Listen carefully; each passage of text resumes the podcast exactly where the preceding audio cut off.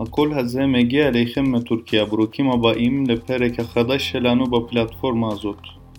הצוות כל טורקיה בכל יום שבת נזכור את החדשות החשובות ביותר מהתקשורת הטורקית. אנחנו מקווים שתהנו ועקבו אחרי החדשות של טורקיה.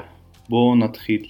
שר האוצר אלבן אמר בהצהרה בטוויטר כי הגירעון התקציבי שלנו לשנת 2020 עמד על 172 מיליארד לירה, מתחת לנתון החזוי של 240 מיליארד לירה.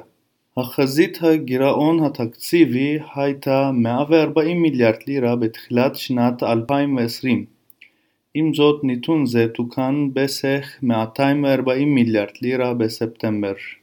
אותות חיובים מטורקיה לאיחוד האירופי נציג האיחוד האירופי ג'וסף בורל אישרנו שוב את החשיבות של חיזוק הדיאלוג שלנו עם טורקיה, אמר.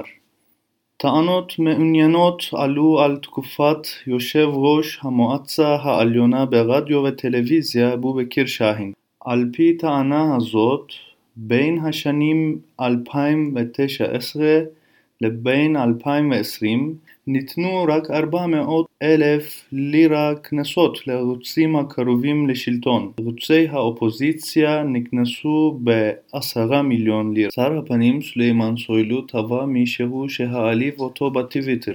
עם זאת, האדם הזה שוחרר. לאחר מכן הגיב סולימאן סוילו בשלילה למצב הזה. במהלך אירועים האלה הצהיר שר המשפטים הצהרה מעניינת בטוויטר.